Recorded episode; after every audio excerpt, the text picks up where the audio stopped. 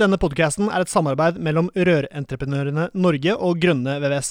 Felles for både Eli og meg er at vi brenner for rørbransjen, og vi ønsker å dytte bransjen i riktig retning.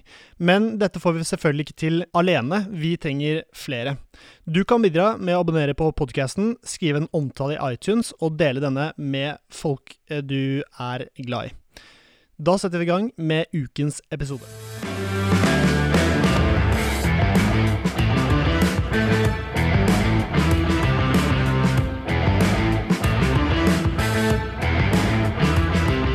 Hjertelig velkommen til ny episode av podkasten Bare rør med Eli Hermine Heiral Eide og Severin Poppe Midteide fra Grønne VVS og Eli fra Rørentreprenørene Norge. Der satt den. I dag har vi med oss eh, to strålende gjester. Eh, Eli, du kjenner disse guttene, nei, disse guttene bedre enn jeg gjør. Hvem har vi her i dag? I dag har vi med oss min kollega Oddgeir Tobiassen. Han er kompetansedirektør i Rørentreprenørene Norge. Hei, Oddgeir. Hei, hei. Og så har vi med oss en makker til Oddgeir i dag. For det, Severin har sagt at han syns det er så kult å ha med noen eh, bransjefolk som gjerne driver bedrift. Og i dag har vi fått tak i ei, en som jeg har visst hvem har vært i mange år. Geir Tollefsen. Du er, jeg vet ikke hva tittelen din er i C, Mathis, men du er sjefen sjøl. Jeg er sjefen sjøl, jeg er daglig leder. Mm -hmm. Det, vi i CM Mathisen som eh, er en organisert bedrift Mhm. i Rørentreprenørene. Mhm. Vi er fra 1875, og kanskje en av de få bedriftene hvor han som etablerte bedriften, Carl Martin Mathisen, han har direkte eh, arvinger helt ned til dagens eier, som er Trondal Pedersen. Så det er femte generasjon som driver det nå, og sjette er på vei. Yes, kult. Så Der er jeg daglig leder, og har vært det i 20 år. Mm. Og nå, eh, i dag er det, når vi spiller inn, så er eh, det er 18. mai. Og eh, det er jo helt sykt at vi har klart å samle noen eh, så oppegående mennesker på 18. mai. Jeg er sliten, Oddgeir er sliten, Uh, Geir er sliten. Men uh, Oddgeir, du overlevde, eller? En uh, travel 17. mai, eller var det, var det rolig? Det var ganske rolig, så uh, jeg var så heldig at jeg hadde pent vær. Jeg var en tur i nord. Ja. Ja, for i Oslo Så- var det jo helt kaos, mens i Nord-Norge så var det jo helt nydelig. Fantastisk vær. Ja. Ikke spesielt varmt, men det var opphold. Ja, nei, men det er bra. Det var en enkel, flott feiring Ja. i godt vær. Ja, det blir jo ikke bedre enn deg. Nei. enn det. Um, I dag skal vi um, eh, Så jeg har en hund som heter Molly. Den er lat, men uh, lathund eh, er da altså ikke en hund. Eller hva vet du om lathund? Jeg burde jo egentlig visst alt om lathund, eh, men det jeg har skjønt etter hvert som begrepet lathund blir brukt, det er at det er veldig få i bransjen som egentlig har noe forhold til. Så når Oddgeir sa til meg her på et sånt, vi har jo sånne Teams-møter hele tida, nå som vi ikke ser hverandre hver dag, eh, face to face, så sa han at ja, nå hadde han fått lagd ny lathund. Og så tenkte jeg at det må jo være et flott eh, utgangspunkt for en podkast. For er det en ting som er viktig for bransjen vår, så er det faktisk denne lathunden som ingen veit hva er. Mm. Så jeg lurte på om jeg skal begynne med deg, Oddgeir. Om du kjapt kan fortelle, når du lager en lathund, hva er det egentlig? Ja, altså latun er et svensk ord. Vi har adoptert det fra Sverige. Og det betyr rett og slett enkel. Rett og slett. Så eh, vi kan si at en lathund eh, det er jo resultatet av lønnsoppgjøret, en oppsummering av lønnsoppgjøret som vi har. Og eh, jeg pleier å si det sånn, det er en effektiv og kortfattet oversikt over de viktigste endringene ved årets lønnsoppgjør, rett og slett. Så vi snakker egentlig om noe som er høyaktuelt for absolutt alle som enten har en jobb eller er arbeidsgiver for noen. Det er hva folk har i lønn. Ja, og vi kan si at i Latun så er det da f.eks. minstelønnssatser for eh, rørlegger, med svennebrev, uten svennebrev, reisegodtgjørelse, det er kost, det er minimum bastillegg, minimum timepris, og ikke minst det generelle prosenttillegget som justeres etter lønnsoppgjøret. Men dette har du drevet med i mange år, Oddgeir? Ja, vi har fått en, eh, en oversikt over det, og det er jo rett og slett eh, for en lat person. Så i stedet for å lese FOB-en altså Er ikke det 180 sider eller noe sånt? Ja, noe sånt. Ja. Eh, så kan du få det du trenger å vite på én side.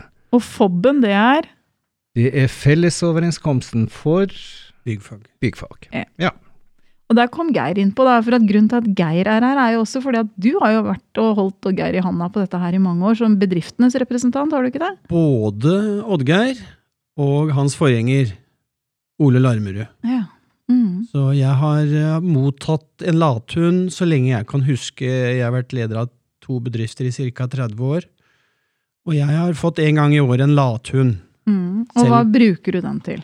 Den gir jeg de som sitter og steller med lønn hos oss, Mhm. fordi alle minstelønnssatsene står der, som skal Mhm. reguleres en gang i året. Mm.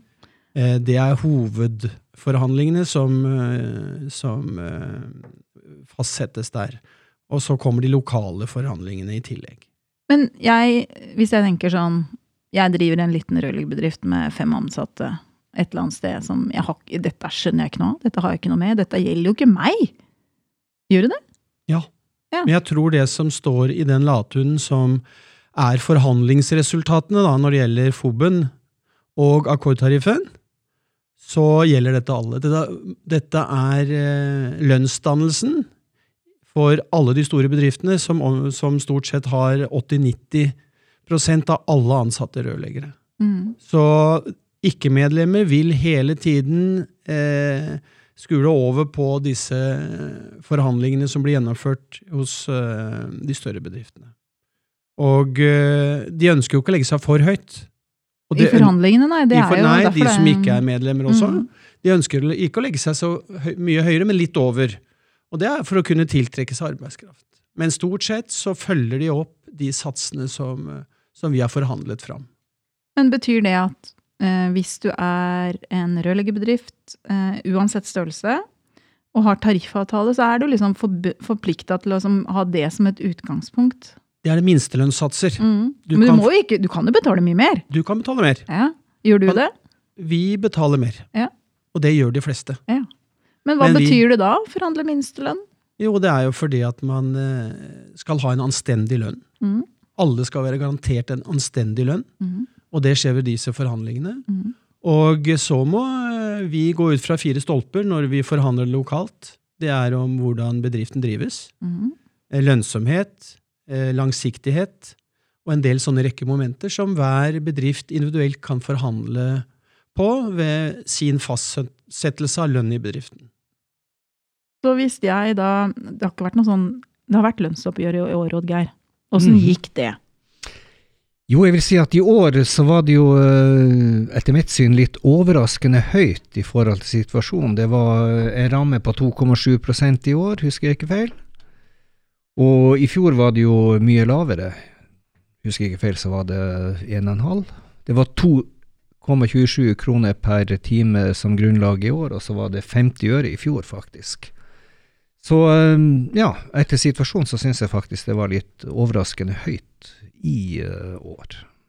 Jeg vet ikke hva du synes, Geir, om Uh... Jeg, men det, dette er jo summen av de sentrale, det sentrale oppgjøret og det lokale, så det kan jo da indikere at kanskje det nå foregriper jo jeg begivenheten. Vi er ikke ferdig. Er vi ikke ferdig? Nei. Altså, vi er litt tidlig ute? Vi er litt tidlig ute, i hvert fall, er vi- i hvert fall lokalt. Ok. Eh, Men jeg sentralt er avklart. Det er derfor Sentralt, den ja, sentralt, sentralt. men nå Sentralt, kommer summen av det sentrale og Mm. lokale utgjør da eh, timelønnssatsene. Men nå håper vi jo at flere og flere jobber akkord, og da er det jo ikke noe fast fastsatt timepris, timelønn. Da kan du ha 700 kroner kroner men da er det den minstesatsen ja. som du skal ha, forskudd akkord, akkord, -hmm. som er viktig for uh, lønningene. Og da, men hvis de bruker akkordsystemet, så kan du tjene mye mer. Ja. Og det håper vi folk er interessert i. Mm. For å komplettere litt, så er det klart at dem som eh, danner grunnlaget for forhandlingen, det er jo et eh, Vi må jo anta at det er et forsvarlig oppgjør i forhold til eh, ja, prisstigning og reallønn og den biten der. Så både LO og NHO er jo forsvarlige parter, så jeg vil tro at de har landa et forsvarlig oppgjør, sentraloppgjør i år. Men eh, Geir, når er det en bedrift burde starte med akkord? Hvor eh, stor eh, bør den være da? Jeg er jo én person. Da har ikke så mye å si, men, men når, bør nei, når bør man starte med, med akkorden? Med akkordarbeid Mm. Det syns jeg til og med lærlingene burde læres opp til. Ja, Få en en akkorder. forståelse for det. Forståelse Mm. for den, for det går på produktivitet. Mm. Og jeg er av den typen som ikke ønsker å fastsette en lønn i forkant før man har produsert. Jeg ønsker at folk skal ha muligheten til å tjene mer enn et forskudd, som kanskje er i dag 280 kroner timen. Jeg vil gjerne at uh, akkordene går opp i 350. Mm. Det tyder på at gutta har vært effektive, og da som regel, nesten alltid, så tjener bedriften også da penger.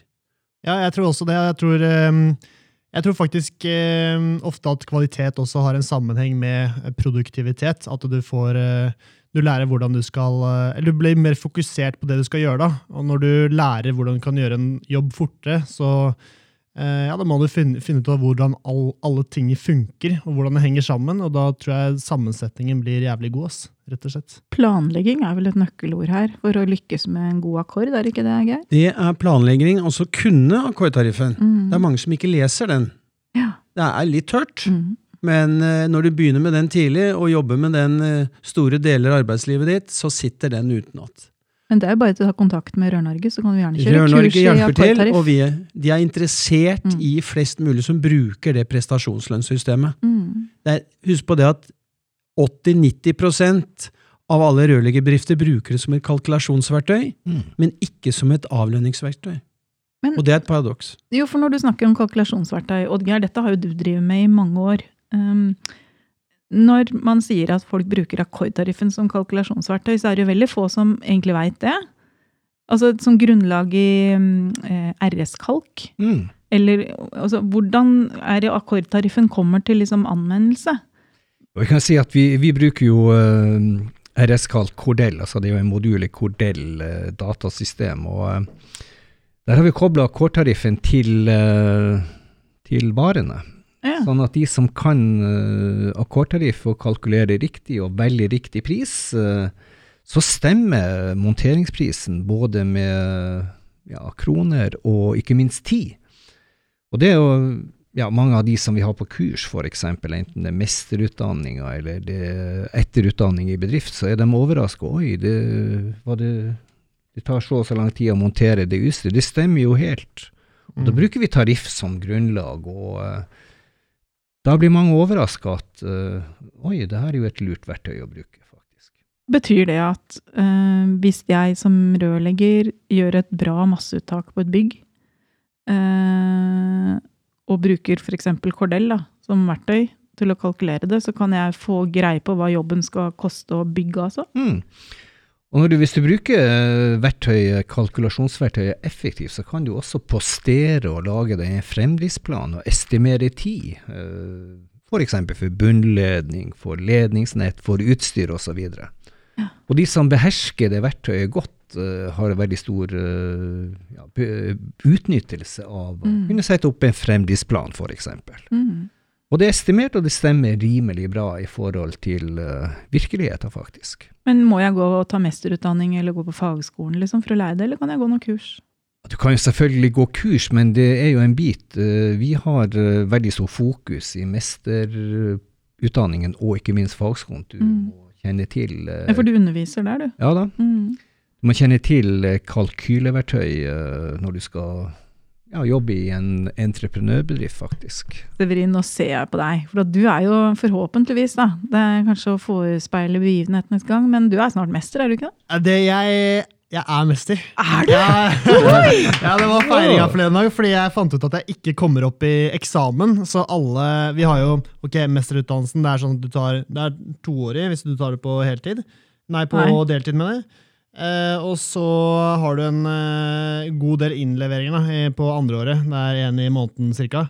Og eh, Så da blir jeg karaktersatt, eller da får jeg bestått da, hvis jeg får levert inn alle de oppgavene. Det fikk jeg jo, så da og kom ikke opp i eksamen pga. korona, så da har jeg stått. Og jeg tar gjerne en eksamen på strak arm, men eh, det er jo litt mindre stress da, å, eh, å slippe den eksamen, så det er jeg veldig, veldig glad for. Men vi hadde, vi hadde også vi hadde også den kalkulerings... Altså bruk av lathund under uh, utdannelsen, selvfølgelig, som du, du sa. Og uh, det er nyttig, altså. Det er utrolig gøy, fordi du, ja, du lærer hvordan uh, du kan gjøre en jobb litt mer effektivt. Da. Det er ikke bare en timespris. Og jeg tror du kan motivere de ansatte for å legge inn en liten ekstra innsats. Mm.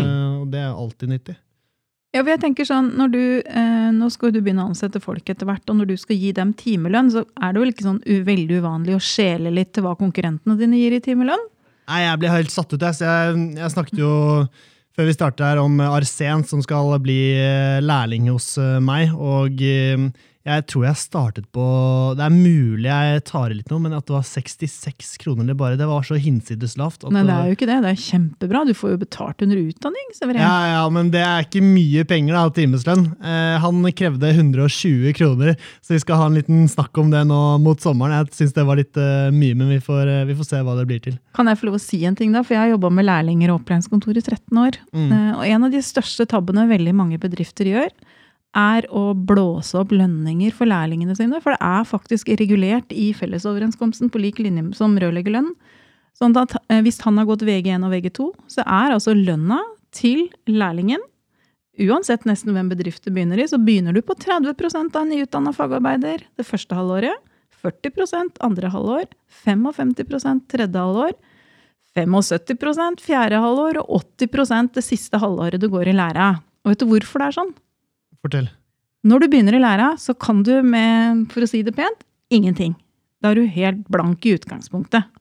Den lønnsskalaen skal avspeile den eh, utviklinga du har i løpet av læretida di. At hvis du begynner altfor høyt i lønn til disse lærlingene når du ansetter en lærling, så vil ikke du heller få tid altså dette er en opp, Du har 100% opplæring. Det skal ikke være produks, produksjon i utgangspunktet, bortsett fra hvis du hjelper til å bære en bereder eller gjør sånne hjelpearbeiderting. Men i utgangspunktet så skal du ikke gi en lærling høyere lønn at du har råd til å lære opp lærlingen din. Mm. Det er veldig viktig. altså. Var jeg streng nå? Nei, jeg syns det, syns det gikk bra, men jeg tror Mm. det at eh, folk må være bevisst hvordan de prosentene har kommet til. Ja, hvor, ja, fortell litt om det. Ja, jeg sitter og hører om eh, 30% og 40 mm. og sånn, og det har kommet til via forhandlinger mm. eh, mellom BNL, som er Byggenæringens landsforening, og Fellesforbundet. Mm. Og da sitter vi da annethvert år og går gjennom FOB-en og justere satser, men det er under forhandlinger. Så de settes der. Så alle opplæringskontor og opplæringsringer følger de prosentsatsene. Mm. Også ikke-organiserte bedrifter. Ja, ja. Slik at det linkes hele tiden til de organiserte bedriftene som er førende for de satsene som gis ute i markedet. Og det er for at du som bedriftsleder, hvis du driver og betaler en 18-åring 120 kroner timen, eh, må du gjerne det, men da Unnskyld uttrykket, da fucker du litt opp for resten av bransjen. Mm. Nå var jeg fra Hokksund, hørte jeg, men det er greit. Jeg Ja, står for nei, det. Arsen, jeg har ikke tenkt å fucke opp for bransjen, så du får ikke 120 i timen. Jeg beklager det. Nei, men jeg, jeg, helt ærlig, nå er jeg litt alvorlig, da. Men dette tror jeg er, liksom, det er litt viktig å snakke om. For at eh, hvis vi ikke snakker om det, så får jo ikke de som starter en ny bedrift, f.eks. greie på at det er et system bak. Altså, vi er en vanvittig bra bransje som er på en måte Kall det nesten gjennomregulert. Og det er jo en av de tinga som gjør at vi er et av de få bygg, bygghåndverksfaga som faktisk har bra forhold ennå. Eh, og vi jobber jo for å opprettholde det. det er jo liksom, dette med lønnssystemet vårt er jo en veldig viktig del av det. Det eneste Um, stedet hvor, eh, hvor vi ikke følger fastlagte satser, det er på voksenlærlinger Mm. som har som har etablert seg hjemme med husbankhus og, og småbarn og, og en ganske del, høy andel kostnader. Mm. Som du har har, veldig lyst til å ansette. som, du, som Mm. du ser har et stort potensial, så går vi sammen og blant de, bedriv, eller de andre organiserte bedriftene, og så lager vi en sum for slik at de kan overleve, eller en lønn slik at de kan overleve. Og det har vi gjort i nesten hvert eneste år. Mm. Jeg har jo kontakt med en del jenter som prøver å, Det er mange jenter, kvinner, som prøver å komme seg inn i bransjen som voksenlærling, og de har jo ofte etablert med full jobb og inn i en eller annen bransje før, har vært vant til liksom å leve ikke på lærlingelønn. Det mange bedrifter gjør da, er å flate ut lønninga, sånn at istedenfor å begynne på den lave lønna og få høy på slutten, så retter ut den kurven sånn at det blir en flat avlønning i hele perioden, f.eks.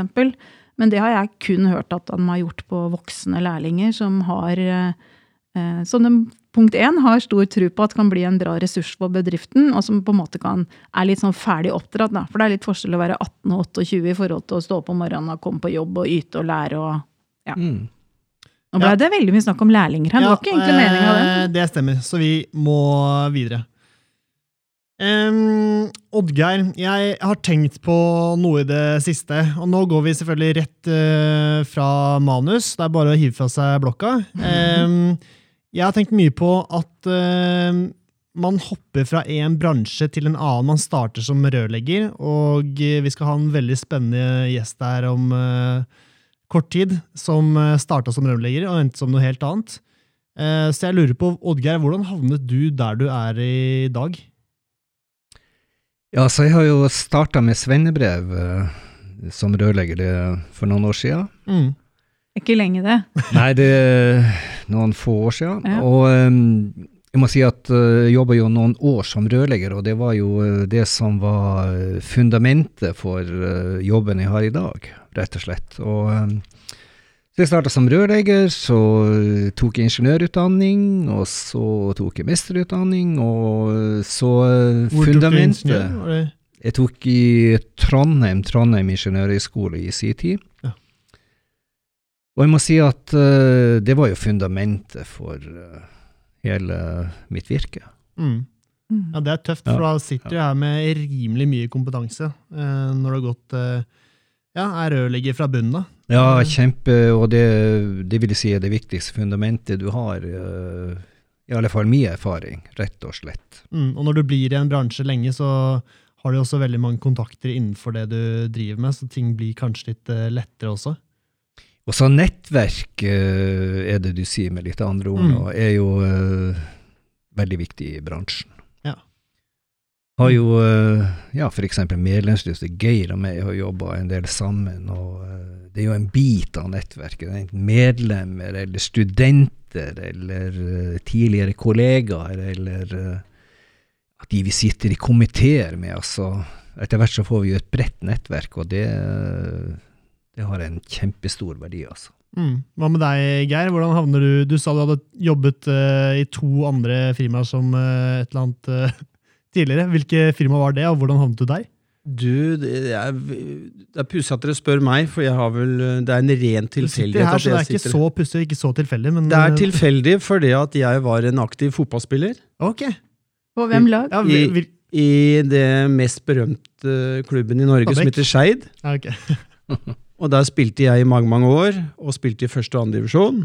Og så var jeg en tur eh, som junior og ungdomsspiller i Nederland i en stor juniorturnering, hvor jeg fikk et tilbud om å bli fotballspiller. Så jeg levde av det en kort stund. Jeg spilte i en klubb i Nederland som het FC Skidam, som var farmelaget til Ajax. Så gikk ikke det så veldig bra. Nei. Da dro jeg hjem og fikk beskjed av min far det at eh, det var ikke bare å komme hjem og flytte inn igjen. Nei. Så skaff deg en jobb. Og jeg, og jeg trodde det var det jeg hadde prøvd å få. Ja, det, Og da dro jeg på yrkesskolen på Sogn. Ja. Og så hørte jeg hvor det var ledig plass. Og det var litt sent. Jeg var litt sent ute. ja, får jeg bare slenge den til? Ehm, Kjelleren i Sogn er kanskje det skumleste stedet å jobbe noensinne. Det er eh, helt motbydelig. Ja. Da kan vi fortsette. Ja, det var ikke så skummelt den gang. Nei. Da sto bygningen også ganske intakt. Ja, Da var du kanskje ikke i kjelleren heller. Nei, jeg var ikke det. Men jeg havna jo da, jeg prøvde tanntekniker, jeg prøvde mange andre fag. Og så hørte jeg at borte på rørleggerlinja så var det noen som ikke hadde møtt opp. Så jeg sto i den korridoren i to uker. Du Nå ville bli rørlegger? Da fikk jeg plass. Det er rått. Og da ikke, begynte jeg. ikke bare det at du sto i, der i to uker, men det at du også prøvde litt forskjellig. Bare prøvde det ut. Det tror jeg også, det, det er gøy at du sier Nå avbryter jeg fullstendig her, men um, på TikTok, som jeg, der jeg har uh, snart 25 000 følgere, så har jeg tenkt å legge ut en video der hvor jeg skal be folk bare bli med en dag, da, eh, som utplasseringselev. Bare bli med og se hvordan rørleggeryrket er. Mhm. Og eh, de videoene får jo mellom 20 til eh, altså tj- 20 000 til 300 000 visninger. Så jeg lurer faktisk på om jeg får rekrutter, rekruttert noen derfra. ass. Det Veldig bra. Dritgøy. Mm. Men uansett, yes, du prøvde litt forskjellig. 20, nei, to Ja, jeg prøvde gangen. forskjellige eh, Det spilte ingen rolle, jeg måtte ha meg en eh, læreplass, en, en, opplæring. Så jeg kom jo inn på rørleggerlinja. Og så begynte jeg i et firma som het J. Werner uh, Sønns Efterfølger AS, det samme som Knut Jensen. Mm. Han var jo her for noen uker siden. Ja, Så Knut og jeg vi begynte i læra der, og gikk gradene.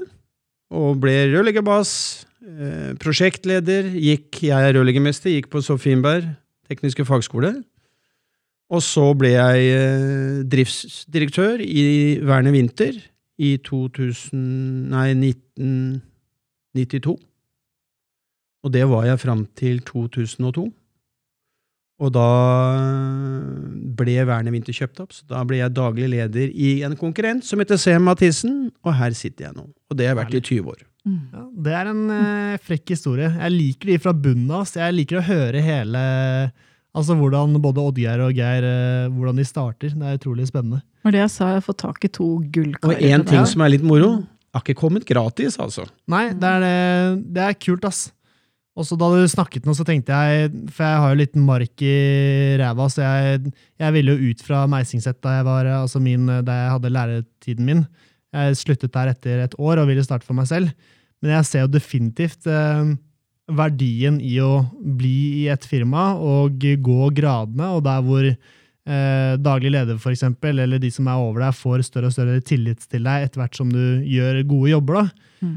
Og eh, ja, det er eh, det er en kul vei å gå, det også. ass. Eh, Noen ganger så tenker jeg at det kunne vært en, eh, en vei for meg, det også. Men eh, ja, jeg sitter her. Jeg har lyst til å tilføye det, for det, jeg har jo veldig mange ansatte i dag. Mange er dere?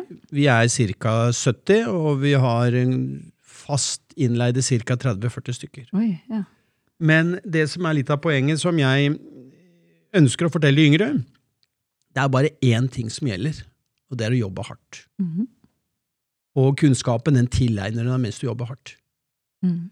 Det er mange som tror det er litt for lett i dag. Men eh, vi ser flere og flere nå. Jeg har veldig mange flinke yngre gutter som jobber. Fordi man kan fortelle en historie om resultatene av å jobbe hardt, hvor det, hvor det kan bære hen. Ja, og så er det noe med akkord, da. Det må, Jo, Må men jobbes. for, vet du hva? folk er litt skeptiske til akkord. De syns det er litt Ja, men det, skremmende. det er fordi litt man sånn, ikke kjenner til det. dette, dette kjenner jeg ikke godt nok, Mm. dette ukjente er jeg litt redd. Men gjør det litt morsomt. Konkurrer litt internt. Mm. Lag litt intern konkurranse som, som er prestasjonsfremmende. Og det glemmer folk at det er faktisk ganske gøy innimellom å jobbe Mm. hardt. Vi har definitivt. faktisk eh, snakka om å ha en akkordfremmende podkastsending, da. Ja. Så, Det ble jo denne, da. det, ja, men jeg tror det blir mer enn det her. Vi må Ja. snakke litt i dybden om det òg, skal vi liksom få folk til å bli hekta. Ja, jeg tror også, som, eh, som Geir sier nå, at det er jo Nei, konkurranse. altså vi, Som i fotball, som i bandy som jeg har holdt på med, og sykling og alt mulig rart. Konkurranse er jo dritgøy, og eh, hvis man får gjort det litt i arbeidslivet også Mm. uh, Selv om man er ansatt og det er safe arbeidsplass og man kan egentlig ja, Man trenger ikke alltid å vise seg frem, da. Så er det, det er jækla gøy å gi litt noen ganger, ass, og bli litt svett i panna. Mm. Det, du får jo noe tilbake for det. Så, hva tenker du om det, Eli? Du ser ikke så svett ut. der. Nei, jeg er ikke så svett nå. Det er at jeg tok av meg jakka. Men eh, jeg bare tenkte på en ting, for når jeg har liksom fått lurt disse, lurt disse gutta her i dag, så har jeg sikkert lagt ut om alt vi skal snakke om, og så slo det meg plutselig at har vi snakka om alt det jeg sa vi skulle Har vi det, Oddgeir? Er det mye du er, du er jo, Oddgeir er veldig ordentlig, så han noterer. Ja. Er det veldig mye du har på blokka som du tenkte at det er litt viktig at vi får snakka om i dag, som vi ikke har snakka om? Jeg kan jo ta en, en eh, liten komplettering først på Latun. Det var én ting som Tilbake eh, igjen. Der, ja, tilbake, er vi der igjen. Ja. Bra. Så eh, vi syns jo det er veldig positivt at vi, har et, vi er nesten tilbake til et normal sentraloppgjør. Og det er et positivt tegn for oss i byggebransjen, faktisk. Og spesielt rødbransjen. Det er den ene biten. Og den andre biten som vi glemte, det er at vi har også timepris i Latun for, uh, med bakgrunn i FL via VVS Kulde 2020. F.eks. ved utskifting av eh, materiell og sånne ting, som uh, når vi kjøper varer hos grossist. Det, vi hadde jo besøk her i episode åtte i podkasten av Trond, som er advokaten, kollegaen Mm. til Oddgeir og meg. Og da snakka vi om FLVA VVS. Eh, tenker du på den timeprisen som er på reklamasjonsarbeid der? Ja, jeg tenker bl.a.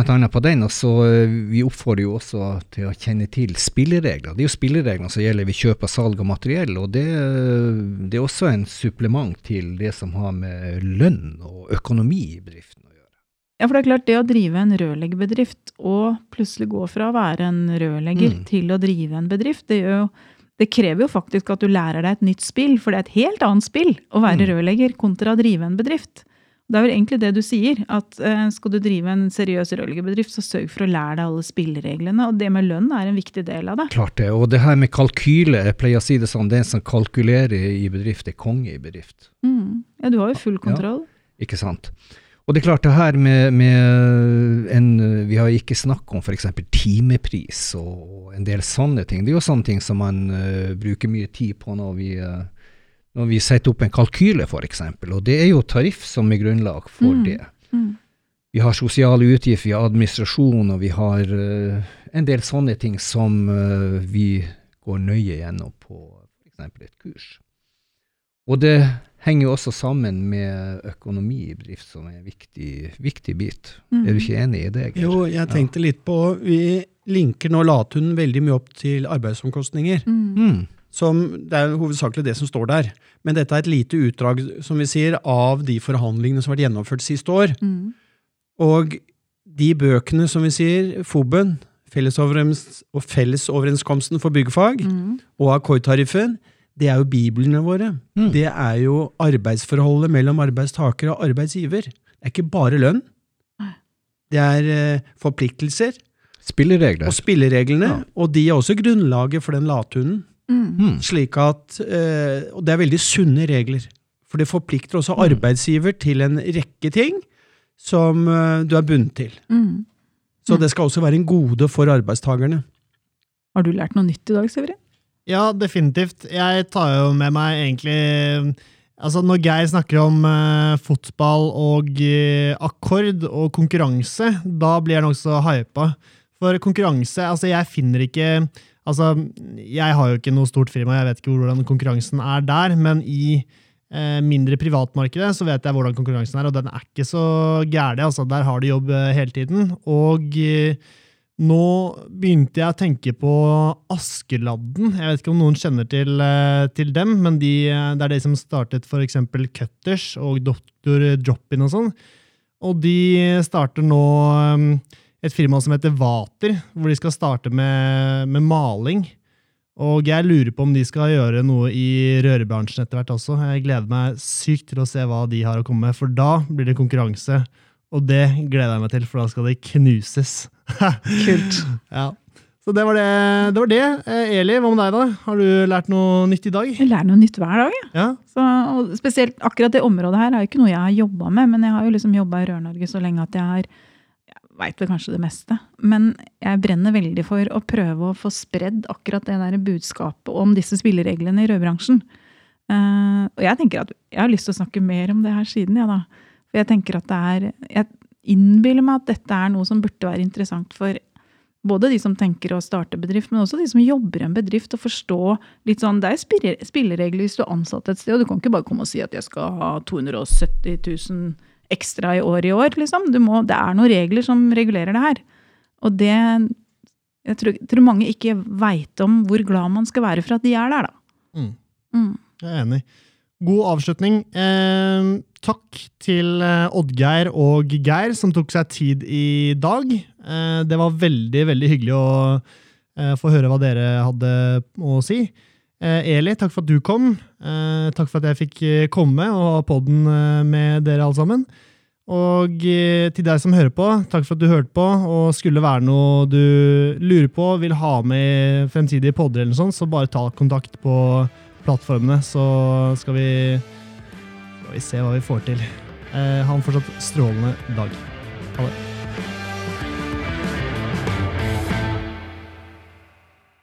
Halla, hvis du likte denne podcasten, hadde vi satt utrolig stor pris på om du abonnerte og gir oss en tilbakemelding i avspilleren. Eh, spre gjerne ordet videre til andre i rørbransjen som brenner for rørleggerfaget og er opptatt av å drive en seriøs rørleggerbedrift. Mitt navn er Severin Poppe Midteide, og med meg har jeg co-host Eli Hermine Heidal Eide. Sammen er vi to podkasten Bare Rør med Eli og Poppe. Et samarbeid mellom Grønne VVS og Rørentreprenørene Norge.